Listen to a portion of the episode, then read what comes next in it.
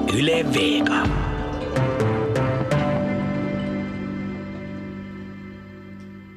Hej och välkomna till Eftersnacks specialsändning. Vi är direkt i livesändning på Lilla Teatern och Jeanette Björkqvist sitter bredvid mig här på scenen, morgens. Tänk om jag leker att jag inte är här. Det skulle vara lite pinsamt. Det skulle du, vara lite du är sådär. Publiken ser att jag är här, men tänk om inte radiolyssnarna sen hör att jag är här. Men nu hör de ju. Ja, välkommen i alla Nå, fall. tack. Är det spännande att vara på, på en scen? Jättespännande. Alltså jag blir ju så stressad. Jag är inte van med publik. Vi sitter ju alltså det där i sån här bunker där i Böle vanligtvis och ser inga människor. Nej, det, är, det, är skrämmande, alla människor där. där Men de ser jättetrevliga ut den här publiken. Ja. ja. Ovanligt snälla. Där. Och nu har de bevisat att de är här. Det är vår specialsidekick idag, alltså publiken, dem hörde ni redan. Och sen har vi ytterligare en specialsidekick. Ruben Stiller är med oss idag, välkommen med. Tack så mycket. Jag har svikit mitt löfte. Jag sa det förra året väl att äh, jag ska plugga svenska. Men det har nog blivit ingenting av det. Så att om jag inte kan uttrycka någonting ska jag bara, bara liksom försöka säga någonting på riksvenska. Jag säger bara det är så hemskt. Där har vi konceptet för dagens eftersnack. Perfekt. Välkommen med. Och ja, just det, jag frågade, frågade hur jag ska presentera dig och du sa att någon form av journalist. Är det, är det stäm, Jag stämmer är det? mest en underhållare. Ja. Nå, inte ens underhållare. Jag är människa. Men vet du vad, Ja. vad jag märkte, vad skulle jag säga, för en månad? Och det här är en skandal, jag vet. Jag märkte att jag är släkt med Mannerheim. Är det en skandal? Nå, visst, en jude som är släkt med Mannerheim, hör du. Uh, nämligen, jag märkte att, att eh, vi har alla kommit från Afrika. Varför skulle jag inte vara släkt med Ernroth, Mannerheim och Aminoff-släkten? Och vi är alla sl- släkta med varandra. Är det inte fantastiskt? Där kom den stillerska omfamningen. Ja, Perfekt. ja, Bra, ja, ja. bra. Jag heter Magnus Lundén, program alltså Eftersnack. Vi ska tala om året som gått 2018. Eh, och publiken får gärna delta, hojta till om ni tycker att vi pratar strunt. Det passar bra. Det där, eh, men först ska vi tala om julen. Jeanette, du har överlevt. Har du Jag har, ätit mycket? där, jag har överlevt och det här, jag hade ju då tillåtit vissa juldekorationer i begränsade delar av vårt hus. Aha. Och det, där, och det höll sig där, det kom inte alltså in sen där på det här julfria området.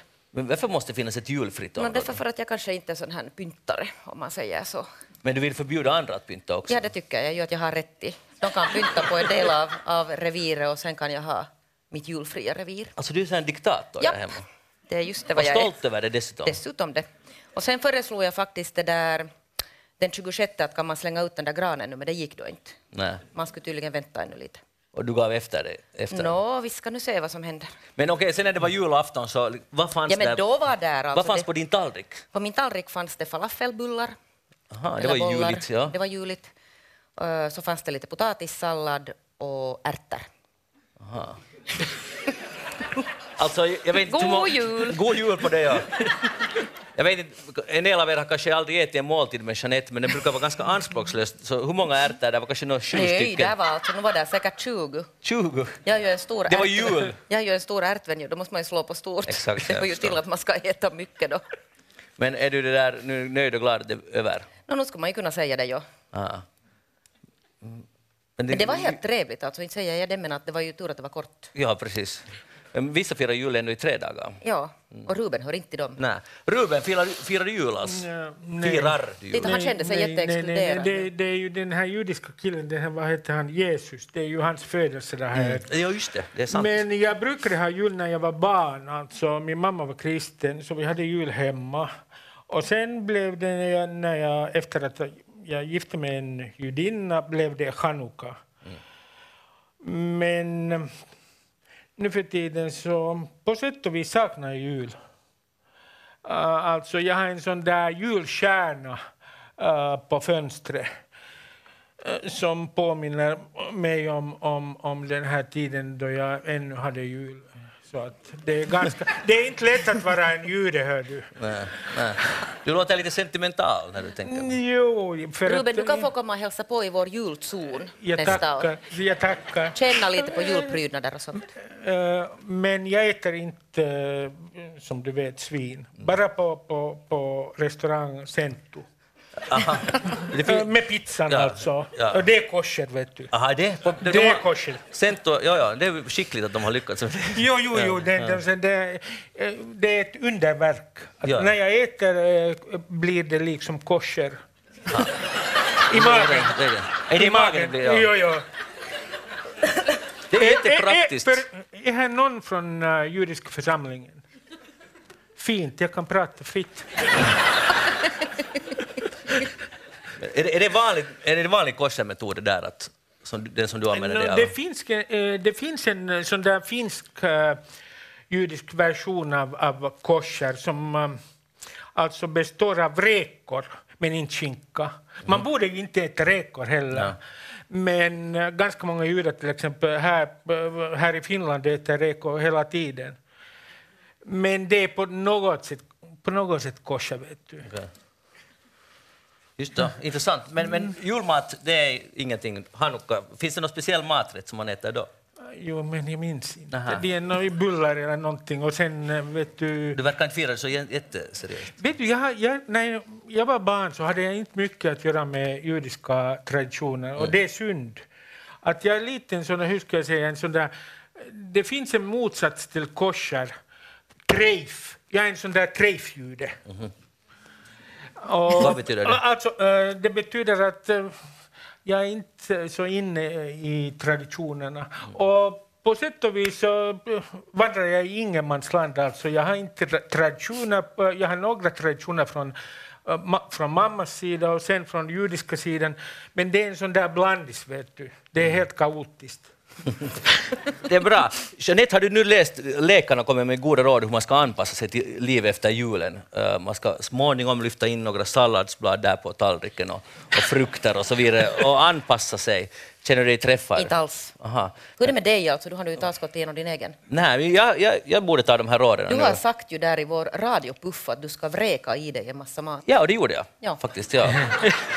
Så jag är stolt att jag, är lite, jag, är, jag är ju här i minoritet, fast jag annars representerar majoriteten. Va? Har du någon sån här matsmältningsproblem nu? Nej, men trevligt du frågar, men nej, jag har faktiskt inte haft det. Jag är ganska erfaren med den här julen nog.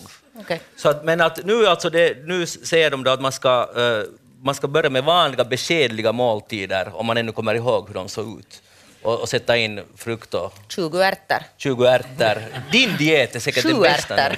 Tillbaka till sjuer. Nu ska vi fråga här av publiken genom att applådera vem av er har ätit sig för mätt den här julhelgen. Och så Rico Eklund applåderar här från publiken. Du borde lite behärska dig. Bra, hej, vi ska se tillbaka alltså på 2018. Eh, jag vill börja med det mest mystiska som har hänt 2018, eh, vad jag vet. Och det är det här drönarkaoset i Gatwick. Eh, under ett och ett halvt dygn stod alla flygplan på en ganska stor flygplats, flyg, flygplats och det där, vad var det, över 100 000 människors plan, eh, flyg blev inhiberade. Och nu är man inte säker att fanns det något drönare överhuvudtaget där. Och man grep två personer, men de var tydligen helt oskyldiga. De hade ingenting med saken att göra. Fast de blev uthängda i alla medier och så vidare. Vad har ni någon teori om vad som egentligen har hänt? Något misstag. Men Så- jag, så vet, bara- vet du, jag bryr mig inte om sånt. Jag inte? flyger inte. Nej, inte alls. Nej, inte alls. Men tänk nu, det var Nej, rubrikerna jag tycker i... inte om, om ö, att vara utomlands. Men du är ändå här, det är ändå... Nej. På sätt och vis, ja. Men äh, om vi tänker så här att man tror att man har sett drönare. Och vi har ju militär också i England och vi har polis. Allting stängs. Nu är det ju något Men alltså, nu har jag, det har gått mig förbi det här att det kanske inte har funnits någon drönare alls. Jo, det har polisen sagt att de är inte alls nu egentligen helt säkra. Men på vad var det då? Någonting måste det ju ha varit. No, man vet inte, för det finns bara ögonvittnesskildringar. Att någon har sagt "Där- jag såg en drönare. Det var ju men alltså fråga om mängder, alltså jättemycket. det var ju 70 en- stycken ja. observationer, så någonting har de sett. Men tänk om det till exempel var fåglar. ja, och nu är det ju så att man ska ju inte lita på ögonvittnen, de är ju alltså otroligt otillförlitliga. Är det så? Så är det. Det finns alltså forskning, man kan gå till Heureka och bekanta sig med det här. Och Man det, ska inte alls ty, det, tycks att vara, det tycks vara ganska lätt att skapa kaos. Ja, säger du det? Eh, Ja. Alltså, vi behöver inte terrorister. Nej. längre. Att, eh, om jag bara sa det till, på, på Helsinki-Vanta att där finns någonting på, på, eh, i himlen så skulle det bli kaos genast. Exakt, och det är det här jag menar. Att tänk så lätt, om, om det, tänk om det skulle vara en komplott, att 70 människor med en, liksom en oskyldig komplott. Vi går alla vid skilda tillfällen sen vi såg en drönare och allting stängs. Att vårt samhälle är ganska sårbart på det sättet och, och lite ängsligt. Det är ju säkert, vad skulle de annars göra? Det var man helt rätt. Jag tror inte ens att man behöver koordinera 70 människor. Det, det räcker alltså att, att en säger och sen hör någon och sen plötsligt Mm. alltså så har det blivit så att folk tror sig se någonting som inte finns. Så en ryktesspridning, om man startar en sån Ja. utanför Gatwick. Och man skulle tro, jag tycker att det är konstigt att det inte har blivit flera incidenter efter det här någonstans i världen. För det är så här, de, de Kopierar kopierar de här idéerna direkt. Och, och jag, jag skulle räkna med att det kommer komma många flera sådana här. Vi får se hur det går. Men 2018, eh, vi hörde just nyheterna här på Svenska Yle, de talar om Donald Trump, USAs president. Nej! Vi ska inte lugna, jag lovar! Tack Ruben. Vi ska inte tala, men jag vill, du får nu tillfälle att säga, för jag tänkte säga att det är ju det som har dominerat 2018. Men du hade Jag, en jag är Trumpfri så månad. trött på alla nyheter om Trump. Ja. Hela Ja. på det här, den här spektakeln. Ja. Alltså, men där Ruben- är han ändå i nyheterna varje dag. Jag ju- Ruben, för, Ruben alltså, han är ju beroende av Donald Trumps Mm. Twitter. Och sen tog han en sån här fasteperiod på en månad. Han försökte alltså luras och dra ner det till tre veckor, men han hade alltså fyra veckor Du så har att han inte blivit följde med det. ja, addikterad honom. precis. Men, men jag, jag, vill påpeka att jag följer inte honom på Twitter, så jag är jätteoberoende på alla sätt. men i alla fall, eh, jag ville nu ge er en chans att säga att vi ska inte tala om Trump, och den tog ni. Jag ville fråga att han har ju dominerat nyheterna, men vi behöver inte tala om honom så hemskt mycket. Men ändå så mycket som han gör, så dominerar det ändå. USA drar, hotar hela NATOs existens och IMF och WTO och FN och allting. Eh, eh, lite, alla institutioner, eller många. Känner du dig där. ensam här? Jag känner mig som vanligt ganska ensam just nu, men det är helt okej. Eh, vi ska tala om andra saker, det där om goda saker. För när jag läste en, en artikel i Foreign Affairs eller något i den stilen så stod det att, att också goda saker har inträffat det här året. Så vet jag, vad kan det vara, så här utrikes, så stod det att kriget Etiopien-Eritrea är nu slut. Fint. Okej? Och, hum, och 80, 80 000 människor har dött. Det har hållit på i 18 år. Och, och jag måste medge min okunskap, det här visst kände jag inte till. Hur många här i publiken känner till att det här kriget är nu slut, det här tog slut i somras? Ganska många. Eller några få, men, men i alla fall. Jeanette, kan, vill du diskutera det här i kriget? Känner du till det? Alltså hela kriget, den här Ja. krigshistorien. Ja. Nå, det där, inte så där på det sättet på djupet. Nej, och inte heller... Men alltså inte det är ju okänt att där är konflikt. Men sen vet jag inte det här med att det har tagit slut, så det, det brukar jag inte sen alltid lita på. Men det är ju värt att fira. Menar, vad jag egentligen försöker säga är att vi hör just Donald Trump hela tiden. Sen hör man inte, det borde, vara värt en månads hyllning att kriget är slut. Men du vet ju att det kommer alltså asylsökande från de här Mm. länderna och har kommit under alla dessa år. Och det brukar tyda på att det är någonting på gång i det där landet. Ja, men du vill inte ta emot den här Nej. journalistiska kritiken att, att vi fäster oss alltid vid de dåliga nyheterna. Det här Nej, men det där, vet du, det där stämmer inte. Nej, nej, alltså, det. det. där, alltså det har ju kommit nu de här senaste åren, så det är jätte sån här hype nu på såna här goda nyheter och alla gör de här goda nyheterna och det är hemskt mycket, så nästan lite överslag på goda nyheter känner jag ibland. Tycker du att när man, när, du tycker att när man sätter på nyheter kommer det för mycket goda nyheter? Nej, men alltså det kommer hemskt mycket och det är, det är jättepopulärt och alla mediehus gör de här goda nyheter, Mm. goda nyheter. Det finns alltså, jag gjorde en googling för det jag kom hit, goda nyheter 2018 på olika språk och det kommer massor, det finns listor, långa listor. Hoho, så Men, jobbigt. Vet du, jag, jag är så trött på de här apokalyptiska visioner som vi har, alltså klimatförändring. Och som ni vet kan jag inte svenska och jag läste Dagens Nyheter och det var en artikel om, om, om mannens klimakterie. Och jag, och jag tänkte att klimatförändring igen.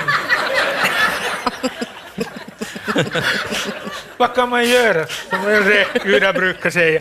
Uh, men att, att det finns inget hopp, alltså. Sen betonar man att här är en god nyhet.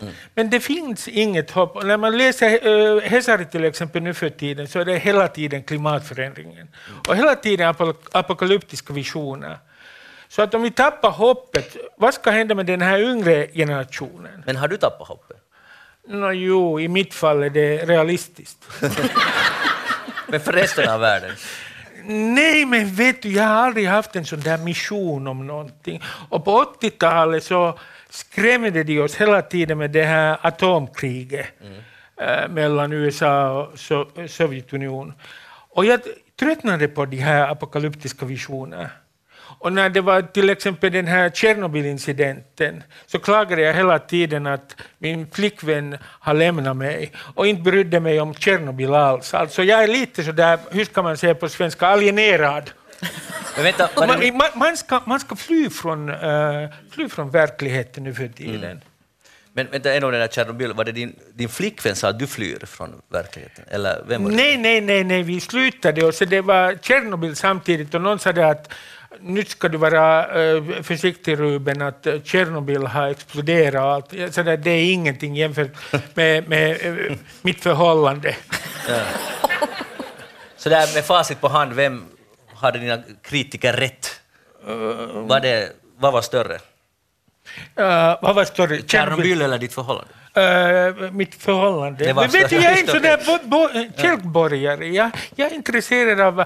En sån där medelmåttlig me- medelklassens lilla gris. Att jag är intresserad av privatlivet. Inte orkar jag bry mig hela tiden. Bära hela, hela världen alltså på, på axlarna. Men, men varför bär du? Inte har väl någon bett att du ska bära allt? Nej, men det är alltid någon som kommer och skyller på mig. Ah. Känner du Att Jeanette? man, man, man, man borde inte alienera sig från världen Mm. och samhället. Men de flesta människor nu för tiden tror jag vill fly från verkligheten. Mm. Och det är helt okej, hej. Det är helt okej. Känner du Jeanette att du har alla världens plågor på dina axlar? Nej, inte har jag alla, men nu har jag några. Det ska Aha. ju... Vilka tynger extra med? Det här Men jag har- 2018? Ja, alltså jag har ju den här flyktingkatastrofen, hänger, bär jag ju nog med mig. Ja. Den är på ditt ansvar? Men den du? känner jag nog på något sätt lite delvis på mitt ansvar. Och på ert ansvar också. Och på ert där i ja, publik. men, men i och med att den nu är delvis mycket på ditt ansvar, så vad gör du för att lösa det här? Nå, jag bär omkring med den och tänker mycket på det. Men för, känner du igen dig i Ruben? För han har ju en poäng också. Att, Jo, att man kan inte Men liksom... man orkar ju inte Nej, tänka nej, nej, på det nej. hela tiden. nej, du har helt rätt, men sen kan man ju liksom ibland koppla av och ha det lite man får, alltså, Men det finns ju de som går så mycket ner i de här världssorgerna att de inte mera klarar av att alltså njuta av vardagen för de känner skuld över det att man tar vara på någon egen liten glädjesak. Mm. Och så ska man ju inte göra. Det leder ju alltså ingen vart att man på något sätt blir så här globalt deprimerad av, av allting. Men klarar du av att ha båda två i livet? Jo. Alltså på axlarna, tyngderna, men också ha skoj? Att du kan glömma dig Men har du inte sett det? Jag har ju Ja, det jätteskoj hela ju nog. tiden. Jag Jag är på gott det. humör mest hela tiden. Nej, det stämmer ju inte, men, att, men, men, men ibland är du. Ja, Ja. Det, det är sant, det, det är bra. Men, Okej, då talar vi, när vi talar om 2018 så då vi har ju redan tacklat klimatfrågan som enligt Rubens Klimakteriefrågan. klimakteriefrågan, den borde vi ju tala om. Vad, vad stod det i den här artikeln om klima, ma- mannens klimakterie? Att det blir varmare. Ja. Jag har märkt det. Får du heta vågor? Såna heta vå- vågor. Är du ja. säker på att det handlar om män och inte om kvinnor? För det hade ju talats hemskt mycket i Sverige om kv- kvinnans klimakterie. Jo, Tills men kvinnorna män- blev och männen trötta. också. Det är, ju, Ja. det är ju bra att man äh, pratar hela tiden om klimakterie i Sverige. Det är ju det är så hemskt med klimakterie. Men hörde det är för att de har ingen politik att prata om. Nej, de har ju nej, ingen nej, regering. De vill, eh, de vill fly från verkligheten till klimakterie. Uh, 2018 var också metoo-året. Och det där, uh, nu har det gått, ja det började ju redan 2017, så det där, vad tycker ni att vi befinner oss nu i den frågan? Jeanette? Det där, nu ty- tycker jag att vi befinner oss i den här fasen där man ska fundera på männen och deras, deras det där, eh, de- orimliga kraven på männen. Det har ju kommit på något sätt under den här hösten att det är lite synd om männen för att de har blivit skuldbelagda kollektivt. Hör ni vad, vad hon sa? Fint! Jag sa inte att jag tycker så, men jag sa att det är där vi befinner oss ungefär i den här diskussionen. Det är min analys. Okej, men se, vad, vad tycker du? Är det, är det rimligt att tyck, tycka så som du just sa? Nå, det, där, det har ju varit alltså de här överslagen som vi vet alltså i de här metoo-anklagelserna. Och det är klart att det är bra att man alltså för den kritiska diskussionen också. Eh, men det finns alltså helt vettiga eh, inlägg av män också där de försöker så att det här handlar nu inte om att det är så synd om männen utan det handlar om lite andra saker. Jag tycker också synd om männen. Uh, alltså männen i medelåldern, feta men i me- medelåldern, som är halvjudiska. Och, och, och det, det, det är fantastiskt. För första gången under året hör jag att någon tycker synd om män. Det är hela tiden det här metoo och vi är alltså svinaktiga och eh, vi är sexuellt ofreda människor. Eh, men för första gången, här är en, här är en humanist Ja, men, det var ju bara det att hon sa inte att hon tycker så. Jag refererar en, en del av Ja, debatten märkte som du har... inte. Nej. Ja. Så du, du måste akta nu. Men är, är, alltså är inte män svin då? Nej. Eh, Och, eh, visst är det bra att vi har metoo. Man vågar ju inte kritisera metoo-rörelsen för att eh, om man kritiserar så är man en chauvinist. Men jag är lite skeptisk. Okej, varför är du skeptisk? I, I vissa fall, till exempel i äh, Aku Louhimies fall, som inte riktigt har Nej. mycket att göra med metoo-rörelsen. Alltså, om han har förnedrat någon som regissör är det inte samma sak som, man, äh, som de klagar i metoo-rörelsen. Men jag skulle säga bara det här, jag vet inte om sanning. Jag tror att de har alldeles rätt, de här kvinnor som har klagat hans metod. Men jag skulle bara fråga, vad vet vi om Aku Louhimies karaktär? För att eh, i, i varje fall så vet vi, tycks vi veta allt om deras karaktär. Alltså de är syndabockar och vi vet allting om deras karaktär. Och jag tror inte på det. Jag, tror, jag vet ingenting om Aku Louhimies eh, karaktär. Jo, men alltså, jag tycker inte att Louhimies var ett metoo-case. Det var en, en, en, en metod som regissör. Jo, men jag tror att, att det var en följd av metoo, för att det blev på något Jo, sätt, genom metoo så blev det plötsligt så att man ska börja prata om en massa saker och det kom som, som på det sättet alltså i kölvattnen på, på metoo. Och Kevin Spacey till exempel. hör du. Varför kan han inte eh, eh, varför kan han inte fortsätta med jobbet? Det skulle jag fråga. På den här Netflix-serien. Till exempel. Eller, ja, ja. Nå, han gjorde ju en film som kom ut exakt samtidigt som, som de här anklagelserna kom ut och den, jag fick, tror att det fick in 126 dollar på första helgen. Det var inte så bra. Ja, nej. Men är det, är det så att, att eh, om eh, han är skyldig så kan han inte fortsätta med jobbet? Att det är slut på det hela? Är det rättvist? Det är just frågan. Men, men om vi går ännu tillbaka, att allvarligt så här, äh, tycker du att män som grupp... Nej. Vadå? Men- jag, jag ställer inte frågan ännu. Vi har ingen, jag vet inte vad det heter på svenska, jag tror att det, det heter essens, alltså inre, innersta väsen heter det på svenska. Ja. Vi har in, eh, eh, eh, inget innersta väsen, natur, att vi är svin, alla svinaktiga. Det är ju löjligt. Men i metoo-rörelsen, alltså några radikala brukar då och då generalisera. Eh, är det förresten möjligt att en feminist kan hata män, diskriminera alltså män och eh, generalisera så att, att eh, alla män är svinaktiga? Är det, finns det såna feminister? Helt säkert finns det. Men man talar inte om det. Varför talar man inte om det? Men jag tycker att det Alltså talas- hatet mot män. Jo, men jag tycker att det har inte riktigt talats om någonting annat den här hösten än just hatet mot män. Och sen de här alltså angreppen mot feminismen. Det är liksom på något sätt männen slår tillbaka nu. Ja, nu har det ju bytt, om man jämför för ett år sedan. Nu har ju den här fokus flyttat, just så där, tycker jag, jag håller helt med dig, att det har flyttat så här. Och den här hösten har ju temat varit lite det som du, du, du nu lyfter upp. Jag Så det har varit provocerar lite, Ja, det, måste säga. Men, men ty- alltså, när feministerna först kämpade emot, alltså mot den här tanken att kvinnan har en, någon slags essens eller innersta väsen, så då och då har jag märkt har de börjat liksom säga att kvinnan har en sån där, vet du, allt gott kommer ur kvinnan. Alltså, men det vet vi ju det är inte sant. Va? Det är omöjligt. Det är, om, det är omöjligt, Ja. men, men att, att i några fall så har jag börjat liksom... Jag tolkar det som eh, att de tänker att, att om till exempel en kvinna eh, säger någonting om någon som har ofreda, är det automatiskt sant.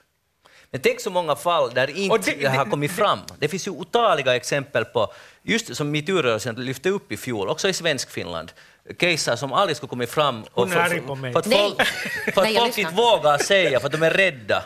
Och, och, och i princip då förtryckta. Nu finns det ju massor av sådana case. Det, det är ju helt fakta. Att, att, tycker att man kan inte heller, alltså det är bra Nej, att den här nej, diskussionen nej, går nej. från det ena till det andra, det är helt bra, men, men samtidigt måste vi komma ihåg grundproblemet. Men jag skulle bara fråga, finns det ett sånt fenomen som hat mot män? Svara du Det Jeanette. där, alltså enligt, enligt flera mansrörelser så ja, det finns. Hat mot män, jag är sä- säker på att det finns någonstans. Nu finns det också hat mot kvinnor. Och jag måste betona att jag är inte på samma sida som uh, Alexander Bard, den där idioten. Nej. Jag frågar bara. Men bara det problemet är att, som det just var i Sverige, att han är ganska bra, liksom, han kan uttrycka sig någorlunda civilt i text och till och med i en debatt. Men sen på nätet, på Twitter och sånt, så är han ju jättegrov. Det var ju nu i dagens, dagens Nyheter, var det debattartikel, nej, Svenska Dagbladet, just om den här saken. Att vem är det man diskuterar med när man diskuterar med honom? Diskuterar man med honom som sitter på en scen och det går, han, okay, han avbryter och kör showen, eller diskut, med en annars liksom saklig, eller diskuterar man med den person som på nätet sprider verkligen ganska hårda ord? Att det är liksom två helt olika personligheter och det tycker jag är ganska problematiskt just i fallet Bard. Och, och jag skulle bara fråga. Jeanette, får jag fråga? Fråga. Alltså, när vi sitter här och vi är två män här. Nå, jag är en man. Nå, sådär. eh, Magnus och en halvman. Eh, eh, så skulle jag fråga att finns här alltså någon eh, patriarkalisk maktstruktur? Men ser du Ruben, nu är det ju det där så att jag anses ju vara en sån här medelålders man. Lite Är sådär- du en man? Så säger mina vänner. Och, och att jag är Ruben lite, en halvman. Att jag är lite sån här medelålders surgubbe. Mm. Men att jag är bara liksom paketerad på ett annat sätt så att, att ingen liksom genast kan avslöja mig. Så jag vet inte riktigt hur det där, hur många sådana män vi är här. Nedräkningen pågår här. Vi är alltså snart bara en man på plats här. Och det är jag. Och- Och det är du. Ja. Och du är det står gubbe. Ja. Men det är inget dåligt att vara gubbe heller. En surgubbe, nej det är inte något fel på oss. Surgubbe med långt hår. Ja. Surgubbe som går och fönar sig just före programmet börjar. Ja. Eller vad du nu gjorde Ja, där. hår, spraya med håret. Hårspray, Ja, ja, ja. just det. Det är en ganska ovanlig egenskap. Men ändå. Mm. Nej, det är det inte alls. Ja. Det finns många av oss gubbar som vård av... Vi som har hår, ser du. Men tre... ja, det, det är ju... Där var du. Ja, ja. Så förnedrande, så Ja, förnedrande. Hat mot män, Ja. av män. Självhat. Ja. Ska vi måste ta det där med Ruben? Det är nog ganska hårt. Men okej, tri- sista fråga. Trivs du i den här gubbrollen? Jo, jag tycker det är jättebra. Att hellre det än, än vad då? Än- En, ja, men vet du, det, det är så här, så här är det nu sen, vet du. Ja. Man får ta det som, som det där livets slev ger. Så en, en gubb, gubbe eh, som bär på allt på sina axlar och använder hårspray, det är, det är Det- dagens en av eftersnackdeltagarna. Utmärkt. Eh, Då är det dags att gå vidare, Jeanette. Du känner det, ja. Ja, jag känner det. Att berätta, vad har du tänkt på det här året? Jag har Någon tänkt på- sak du speciellt kommer ihåg? Jag kommer speciellt hör du ihåg en sak som du aldrig noterar egentligen, för att vi har ju den här vår fantastiska alltså Facebook-sida där vi för en fin kommunikation med våra lyssnare. Och där hade jag lagt ut ett jätteviktigt inlägg.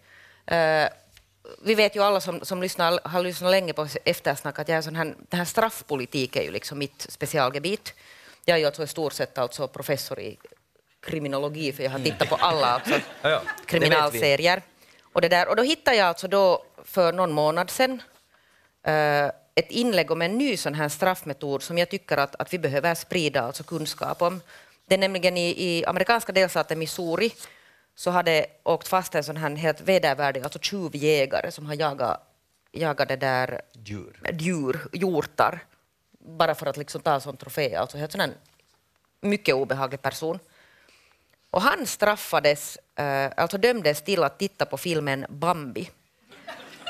Va? Och han dömdes alltså att titta på filmen Bambi om och om och om igen. Som en sån här liksom på något sätt psykologisk, psykologiskt straff. Och det tycker jag att vi behöver prata om. Ja, det det ska vi göra. Men vad handlar egentligen Bambi om? Är det någon Men jägare? kommer du inte ihåg alltså Bambi? Har Nej, du inte tittat på Bambi? men kommer ens du no, det är den här lilla... No, det kommer jag verkligen Alltså det är ett sött rådjur eller något? Men- jättesött rådjur Ja. och så växer alltså Bambi upp till, till det där en sån här stor hjort, men sen blir hans mamma skjuten av sådana här jätteäckliga, vedervärdiga tjuvskyttar. Just som den här killen. Som, och, och, Och Bambi blir övergiven och jätteledsen och det är, alltså, det är en fruktansvärd alltså, det där Oj. del av filmen. Vi har tittat med mitt barn, det är traumatiserande. men slutar det lyckligt sen då? Nå, vet du, han blir ju alltså, han, han blir ju sen, han hittar sin pappa sen. Ah, Men den där mamman är ju död för evigt. Okej. Och Nå, sen får han ju en fru då och sen, sen blir han själv alltså den här han kungen. bildar egen familj. Ja. Men det är jättevedervärdigt det här när de alltså jagar med hundar och det liksom brinner i skogen och det är helt fruktansvärda scener. Okej. Så jag tror att det gör jättegott alltså åt en tjuvjägare. Nu är frågan, Ruben, eh, det var då en man det här då, att, tror du det funkar? Jag har ju alltså Ruben, jag har ju Ruben tidigare förespråkat så här skampålar och sånt också. Jo, jo, jo, Ja. det är. Ja. Ja. Tror du det funkar den här metoden? Jo, men jag skulle straffa dem med, med minns ni ännu Spede Show? Det skulle vara bra. Ja, här i Finland. Ja. Ja. Men det kan man ju till och med, man kan ta in alltså det här och anpassa det till Finland. Alltså så någon sån här att här är ju, ja, men det skulle kanske inte fungera på, på den här amerikanska tjuvjägaren. Eller sen för någon annan alltså, sån här brottslighet kan man ju slå in Spede Show. Jo, det skulle vara bra. Det finns all, andra alternativ. Till exempel, vänt nu. Det var någon som föreslog den här, det finns någon sån här serie där de far till en ö. Det var någon i, på Svenska Yles kommentar som skrev att, att i Finland skulle det... Kan, kan man straffa någon med Strömsö?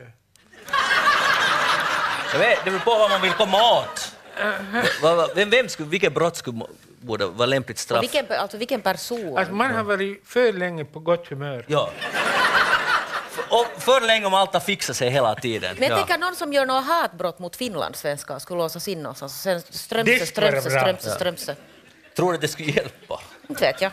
Det, det, Jag tycker det här är värt att Timo testa. Soini skulle stirra på, på Strömsö i 24 Eller- timmar. Eller hej det där, eller Jussi halla Eller Jussi Halla. ja. det finns det ju många kandidater. Det finns det ju nog, onekligen. Så, eh, Men är det här inte bra? men om, jag, jag tycker det är egentligen ganska intressant, men slapp den här personen ett fängelsestraff? ja, det vet jag ingenting Han om. dömdes till ett års fängelse. Med Bambi, Ja. dygnet runt. Nej, under fängelsestraffet ska tjuvjägaren minst en gång i månaden visas den klassiska Walt Disney-filmen vars mamma dödas av Jag skulle ju sätta det där inne på varje dag. Ja. Jo, det- då- för då skulle det vara lite Clockwork Orange om du kommer ihåg en sån Jo, film. det skulle vara lite sån effekt, det skulle oftare. En gång i månaden är ju ingenting. Jag tycker någon sån i fängelsecellen, alltså en TV, där den hela tiden, Ja. kommer inte undan det här. Ja. Alltså. Så inte tror jag man skjuter någon rådjur efter det. Nej. Nej. man vill inte se några rådjur efter det. Ruben Stiller, vad har du tänkt på 2018? Nå, den här liberala självgodheten. Okej. Att, Talar du om dig själv nu? vet- Jag är så trött på att vara tolerant hela tiden. att det kommer hela tiden nya minoriteter, alltså sexuella minoriteter. Det är någon asexuella, androgyna, transblender, gender, någonting. Transblender. Och det är helt okej för mig, förstås. Men det är bara det att jag orkar inte toler tolerera varannan annan dag, vet du, säga jo, det är helt okej. Och nu finns det en ny minoritet, vet du, metasexuella. Eh, De Men det har, var något med de här asexuella också. Jo, men de metasexuella har alltså ett teoretiskt förhållande till sin sexualitet. De gör ingenting, men de liksom pratar hela tiden om teorin. Jag hör till dem. Eh, eh, men vet du det att, att man måste tolerera... Var, varför kan vi inte bara liksom, alltså liberala, hålla käften och vara likgiltiga och respektera genom vår egen likgiltighet? Men vad är, det, är det inte ungefär så det funkar? Det funkar bra, tycker jag. Men är det inte så det är idag, eller vad menar du? Vad, vad krävs av dig? Om någon metasexuell person, vad kräver den av dig egentligen? Komma till mig och börjar debattera med mig. Nej, men vad, du, du säger att det kräver någonting av dig. Som om, du, är, är, du inte redan nu ganska likgiltig? Eller känner du att du gör någonting för att bekräfta den här minoriteten? Den metasexuella minoriteten? Men alltså frågan är, att behöver han göra Be, någonting be, för att bekräfta? behöver jag hela tiden betona att jag är tolerant mot uh, tusentals minoriteter? Men gör du det? Och har någon krävt att du gör det? Nej, det är väl överjaget. Men vet du, man blir Ja, trött. Och sen den här självgodheten, att liberalerna inte projicerar någonting till någon. Det är bara de där sannfinländare och de där elaka människor där borta som projicerar på andra människor. Men vi är liksom rena. Uh, och vi, har liksom, uh, vi är på högre plan. Jag har tröttnat på den här idén. För att jag har fördomar hela tiden, varje dag, på gatan. Till exempel här i närheten, uh, alltså vid järnvägsstationen, när jag ser en, ett gäng som består av, låt oss säga, unga arabiska kill, killar, så är jag nog misstänksam. Och jag har fördomar, och jag är rädd. Mm. Varför är du rädd? Jag vet inte, det är mina fördomar förstås. Mm. Men, att, Men man kan ju inte prata om dem öppet. Nu nej, inte i eftersnack. Nej, nej, nej, nej, nej, uh, så att det är bäst att tiga, tror jag. du behöver inte alls tiga. Fördomar är jätteintressant. Det är en ganska bra poäng det där att uh, börja med att erkänna att alla har ju för, fördomar. Så att inte, mm. Men är det en nyhet? För om man nu granskar sina egna tankar tycker jag det kommer en massa strunt hela tiden. Men, men det är ju en, en sak att, att den där tanken går genom huvudet och sen vad man gör med den där tanken. Men när vi säger hela tiden som liberaler, skylla på sannfinländare, det är helt okej. Okay. Det är helt okej. Okay. Det gör jag också. Mm. Men, men alltså, är det lite skenheligt mm. om man inte äh, berättar om sina egna fördomar?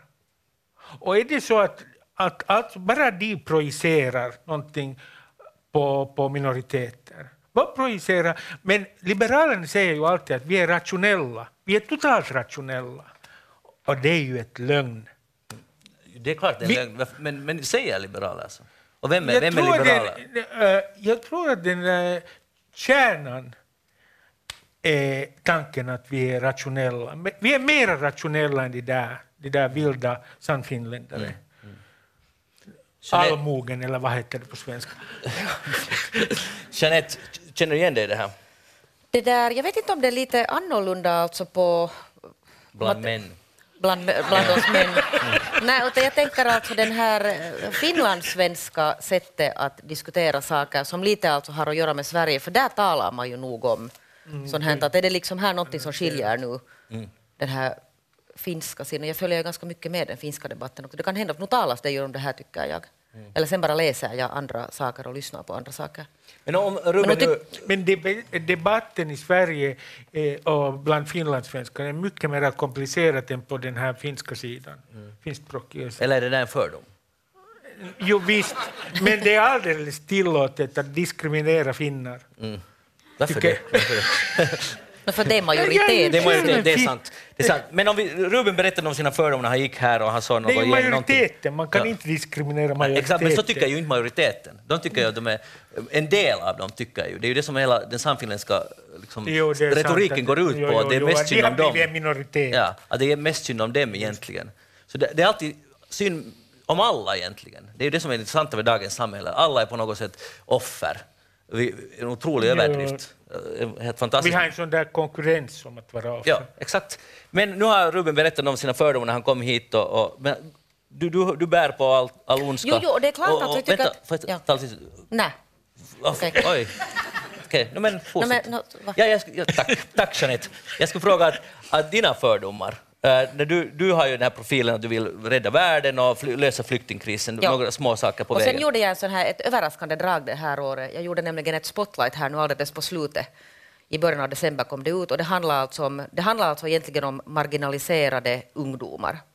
Och så gjorde vi ett program som var ganska så här, man kan titta på det på arenan faktiskt fortfarande, som handlar om Sami Heinonen i Hangö och han framstår som en sån här ganska sympatisk person och han har en katt och, och det liksom går det här programmet på och det handlar liksom om att koppla in den här marginaliseringen. Och sen där på slutet så visar det sig att han alltså äh, är en mycket hängiven anhängare av Finnish Defence League som inte på något sätt är någon särskilt trevlig organisation. Är det nazistisk?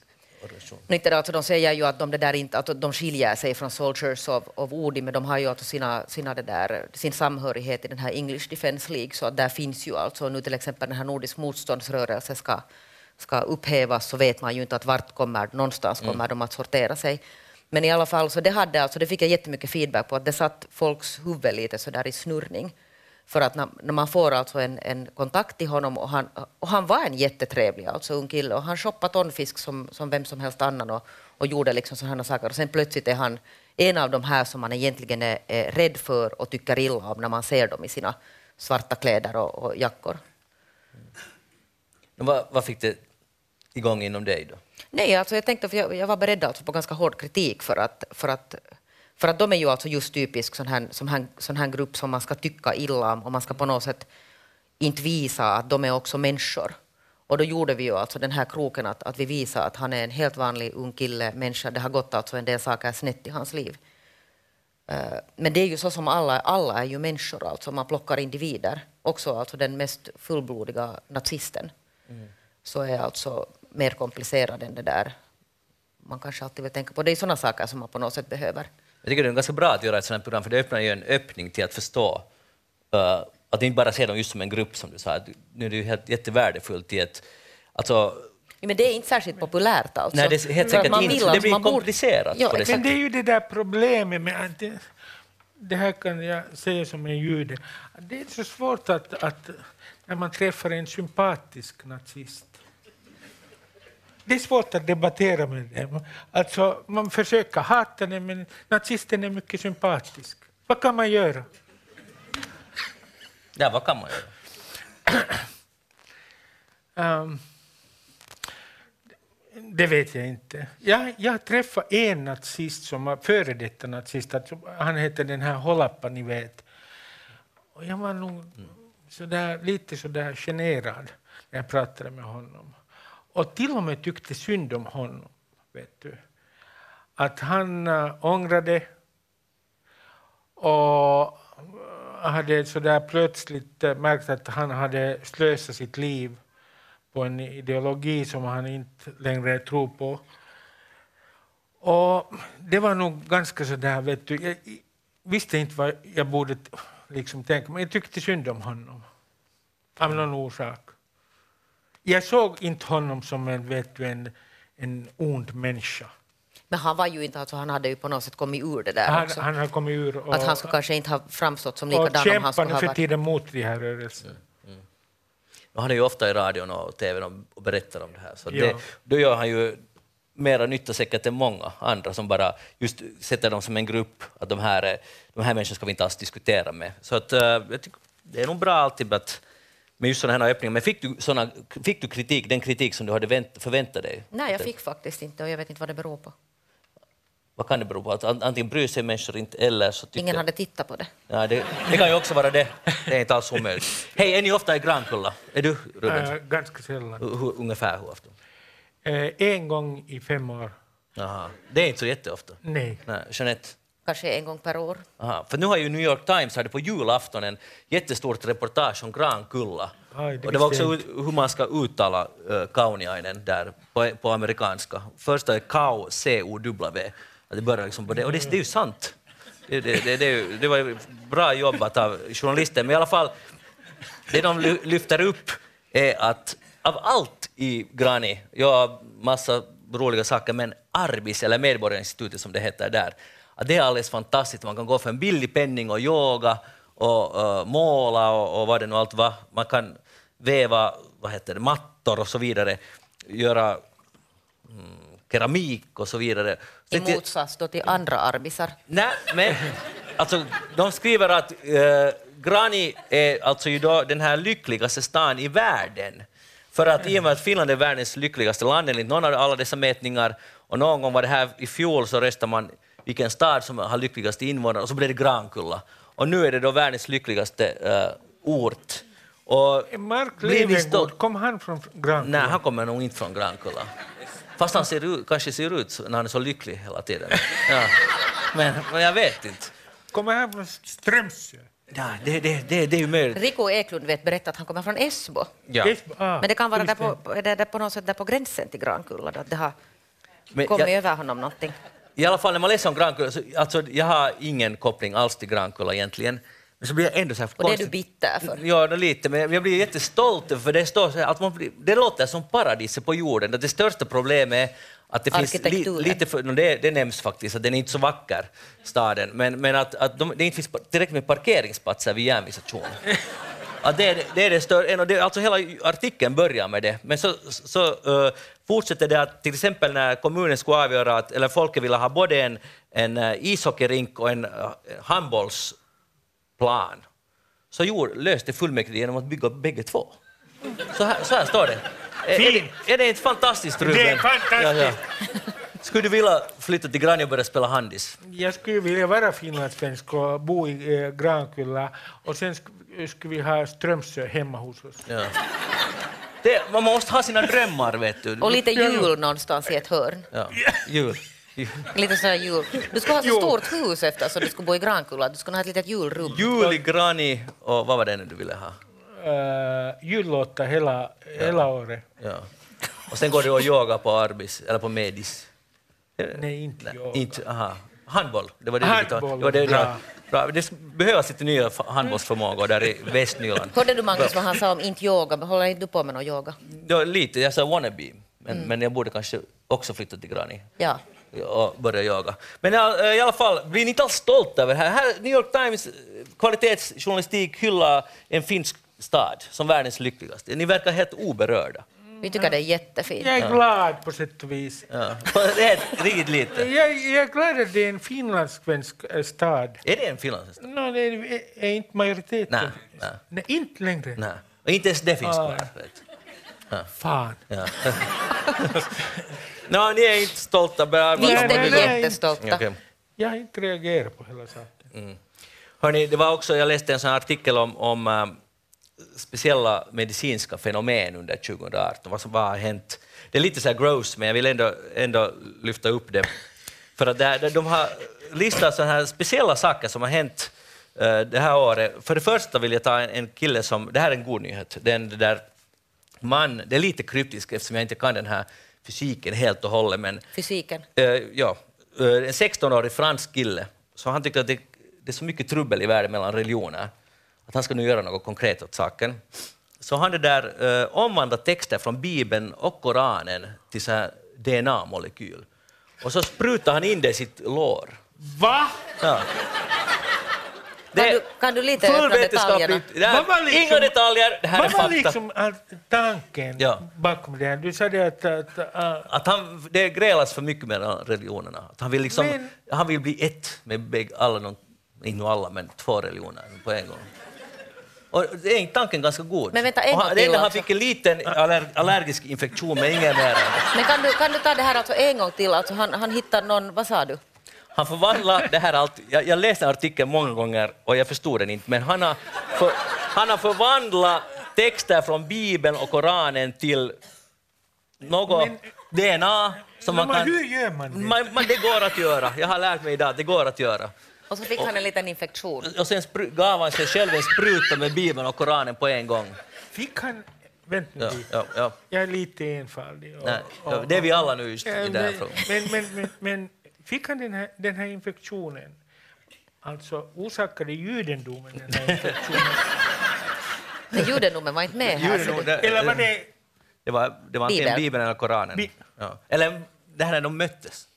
Men sen, han mår jättebra nu och, och nu vill han att, att flera människor ska göra det här. För att eh, vi alla är ändå människor. Tänder du alls på det här? Skulle det vara något för dig? Mm, mm. Jag kunde spruta heroin, men inte, inte bibel och koran och allt möjligt. Nej, inte. Men hela den, idén är ju totalt galen. Nej, jag är inte så Att säker. Säger du spruta det, ja? Text in i sig själv. Men att tro att man kan omvandla alltså ett skriftligt verk till någonting som man sprutar in, in i sig, så det låter ju... Ni är jätteframstegs... Ni är liksom mot framsteg. Jag vet, det har jag hört tidigare också. Vi är det här medelålders männen lite sån här, vet du, att det var bättre förr. Det var bättre förr, ja. Okej. det är sant, Janette, det var bättre förr. Men så, så du är inte redo? Du, är inte redo? Testa det, okej? Nej, jag tycker inte att det här låter nu så seriöst, eller sen är det liksom bara du som inte kan förklara det här. Jo, det, är, det beror säkert lite på det, men vi ska det där lägga på vår Facebook-sida, den här länken, så kan alla läsa det själv. Det, Med din analys av det. nej, men, men det här är alltså sant. Det där är Och var hade du läst det här? mm, uh, Live Science, en sån sajt. Nåja, ser du bara. Vet du, jag, jag har faktiskt en, ytterligare en källa här. Vi ska... Uh, Nåja. Nå, nu hittar jag inte det här direkt, men det var i alla fall fakta. Men... eh, Så säger Trump också. ja.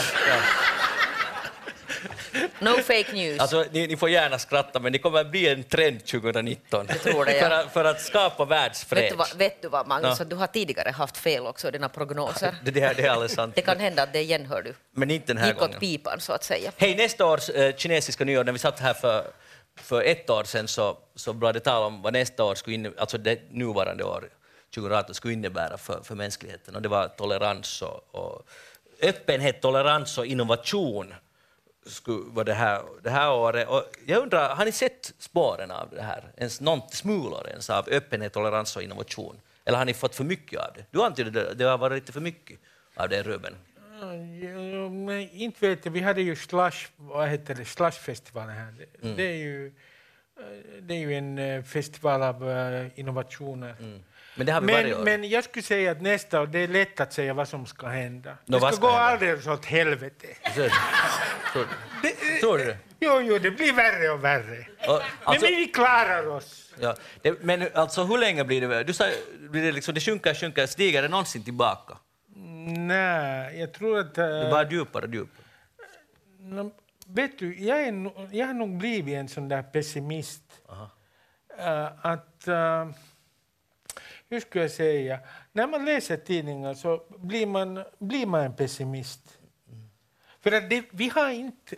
Förr i tiden hade vi en sån där, någon stor berättelse om, uh, om, om alltså Finlands historia och vart uh, vi är på väg till.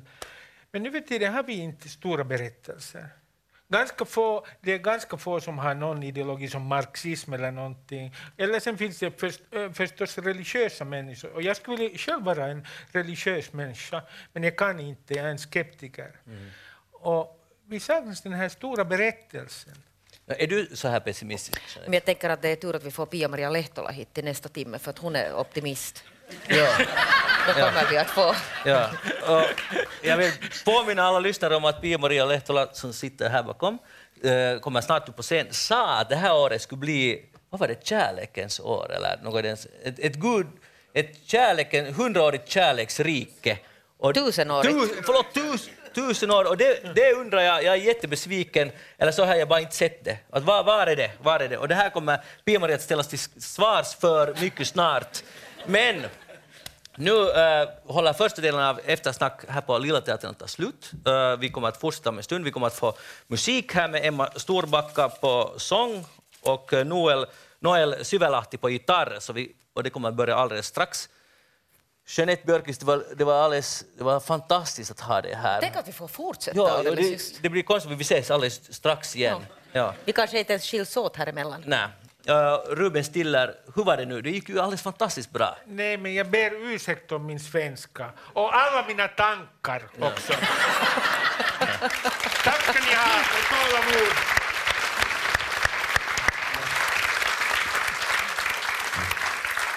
Skillnaden, Ru- skillnaden Ruben, mellan eh, många och dig är att du berättar dina tankar här. Jag är säker på att vi inte skulle vilja veta allt vad publiken jag- tänker heller. Nästa år om jag kommer hit så ska jag säga, prata om, mina alla, all, om alla mina fördomar. Och det ska ta tre, fyra timmar. Bra. Teaterchefen nickar, det, blir, det är bokat fyra timmar nästa december. Utmärkt. Eh, Jag heter Magnus Lundén, Eftersnack det är lätt på eh, Lilla Teatern är slut för nu, eller den är inte alls slut, utan nu kommer musikavdelningen och vi fortsätter, fortsätter sen efter nyheterna. Varsågod. Hej på er också för min del. Sandra Långbacka heter jag och med mig har jag Noel Syvälahti och vi ska spela några låtar för er som eh, är på finlandssvenska och mina egna låtar. Första låten handlar om att vara i en situation då man ofta kanske tar åt sig för mycket av andras bekymmer och att kunna inse att man inte kanske behöver det och vara självisk ibland, på ett bra sätt dock.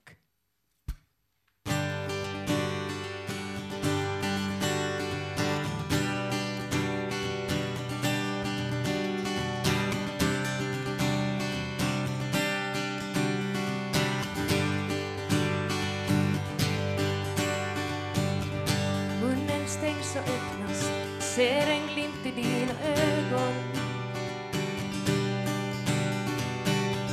Det du säger är nog viktigt men en annan gång. Ser nog att du pratar och jag leker att jag lyssnar. Ställer relevanta frågor, samma som förut. Men nu har jag insett att jag, att jag måste vara självisk ett tag. För